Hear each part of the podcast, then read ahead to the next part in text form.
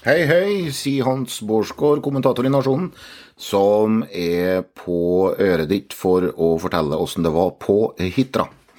Eh, Hitra-aksjonen eh, skulle øke bondens inntekt, men endte i gjeld og prisnedgang. Nå er opprøret tilbake på Hitra som samtidsteater. Det verste er at vi er kommet i slik gjeld. All trivsel med arbeidet er blåst bort. Orda fra dagboka til Hergunn Hansen klinger sårt i ribbeveggen i gymsalen ved Filland skole. Det er 47 år siden hun og mannen Sverre starta Hitra-aksjonen her i rommet. En bondeskattenekt som endra jordbrukspolitikken. Nå er opprøret tilbake på Hitra, i et teaterstykke om norsk jordbrukshistorie. Blant tilskuerne er Arnfinn Aune, som var med i aksjonsledelsen i 1975 og eksordfører Bergljot Stokkan, som refererte opprøret. Bondetinget en reise tilbake i tid, fortalt av enmannstruppen Kyrre Eikås Ottersen.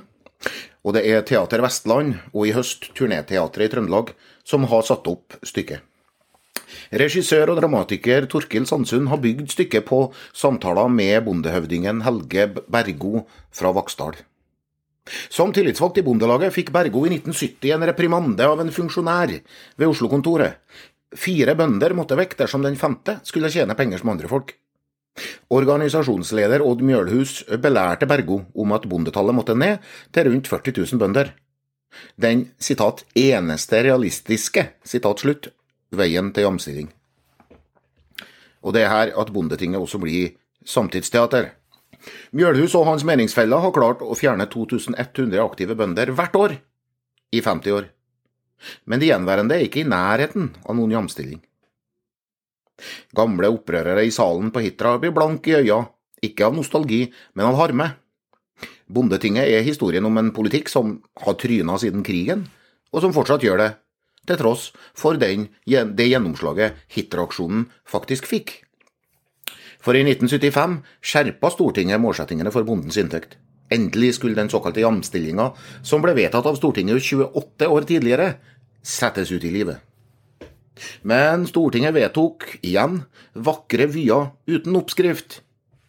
Virkemiddelbruken ble, som i dag, opp til staten og bøndene å bli enige om. Det gikk galt, igjen. Et massivt investeringsløft ga ikke bonden inntekt som andre folk. På få år ble resultatet isteden overproduksjon, prisnedgang og bondeflukt. Og forgjeldinga som Hergunn Hansen beklaga seg over, den ble verre. Senterpartist Per Olaf Lundteigen skriver i programmet til teaterstykket at dagens situasjon er et resultat av manglende åpne politiske avklaringer i Stortinget. Også i 2022 sier parlamentarikerne at de vil ha sjølforsyning og landbruk i hele landet, god jul og godt nyttår. De samme folkevalgte stemmer imidlertid gjennom jordbruksoppgjør som fjerner jordbruket fra de edle målene. Når partier som SV i sommer ville korrigere jordbruksoppgjøret i Stortinget fordi det fører jordbruket vekk fra Stortingets mål, så er Høyre, Arbeiderpartiet, Senterpartiet og Norges Bondelag skjønt enig. Ligg unna jordbruksavtalen, ellers trues forhandlingsinstituttet. Spørsmålet melder seg. Er det ikke norsk mat på norske ressurser i hele landet som er det viktigste målet? Eller er det den korporative samhandlinga mellom stat og faglag? Per Olaf Lundteigen skriver en elite har hatt et hegemoni i debatten, noe som har skapt dagens kritiske situasjon, med svekka mattrygghet for den norske forbruker og elendige næringsinntekter for gårdbrukeren. Hvilken elite er det her? Hvis du spør en senterpartist eller gårdbruker i dalstråka innafor, eller dramatiker Torkil Sandsund, så er svaret partiledelsen og ledelsen i Bondelaget. Her er det en samforstått og nok ganske ektefølt omsorg for norsk jordbruk og bondebefolkning. Men det er også en felles lydhørhet og varhet for hva som er det politisk mulige. Det er denne snusfornuftens dobbeltbinding som gjør insektutvikling mulig, er budskapet. Jeg tror at den faglig-politiske samforstanden også inneholder en tredje dimensjon. At det viktigste, tross alt, er at melka flyter og kjøttkverna går. At folk har mat, og industrien har nok matråvare å jobbe med. Sjøl om råvaren i stadig mindre grad produseres ved fjord og fjære, fjell og dal, og selv om råvaren i stadig større grad produseres på korn, utenlandsk, ja takk, og ikke på gress. Da gir det mening å holde på systemet med jordbruksforhandlinger. I alle fall for skiftende landbruksstatsråder og samvirkerepresentanter. Det ultimate målet blir ikke å unngå gårdsnedleggelse og bondekannibalisme. Tvert imot så blir hovedmålet å sørge for alltid å ha en hånd på rattet, slik at de tilgjengelige budsjett- og prismidler man samhandler fram med staten, blir brukt til å verne produksjon, industri og matforsyning. For å få til det må man selvsagt signere jordbruksavtaler med staten. Og da gir det mening med såkalt kvalitetstilskudd på lam, som stimulerer til kraftfôring om høsten, og milliardsubsidier til kraftfôr på bekostning av beiting. Dette må ikke Stortinget legge seg opp i, er budskapet. Bondelagsleder Jan Melby sa i 1971 sitat, om omstillingen blir styrt av andre enn bønder, vil utviklingen bli negativ for alle bønder. Sitat slutt.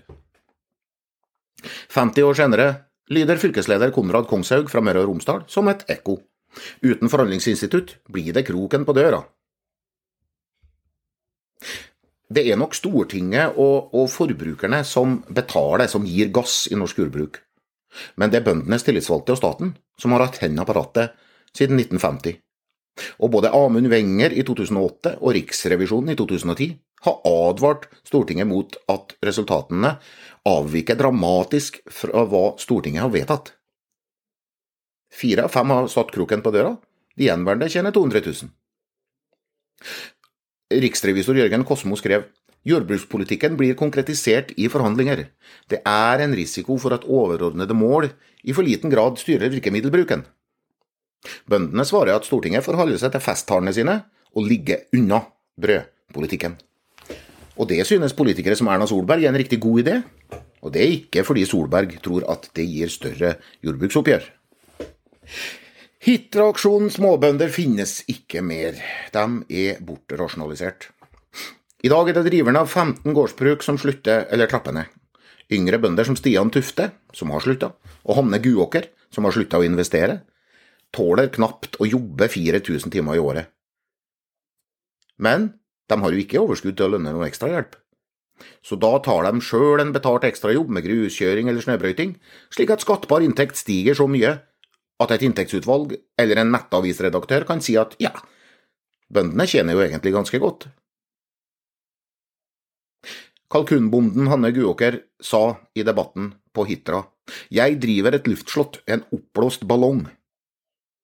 Guåker omsetter for 13 millioner årlig, har 10 millioner i gjeld, og har sett gjennom og har gjennomskua sin avhengighet av kraftfòrbilens langreiste rasjonalitet. Guåker sier at vi må stimulere til bruk av jord i en helt annen grad enn i dag. Men i Excel-arka i Bøndenes hus og hos Landbruks- og matdepartementet er prisnedskriving på kraftfôr allerede skrevet inn også for oppgjøret i 2023. Det samme er forutsetninga om at en drøy prosent av bøndene må slutte også neste år, for å finansiere en papirinntektsvekst for de gjenværende. Bøndene er ikke tjent med å miste forhandlingsretten, sier Bondelags fylkesleder Kongshaug. Imellom tomme lover og kontoristvillaer på Hitra er det vanskelig å få øye på hva bøndene har tjent på den. Det er nasjonen på å gjøre du har hørt. Ha en fortsatt produktiv dag.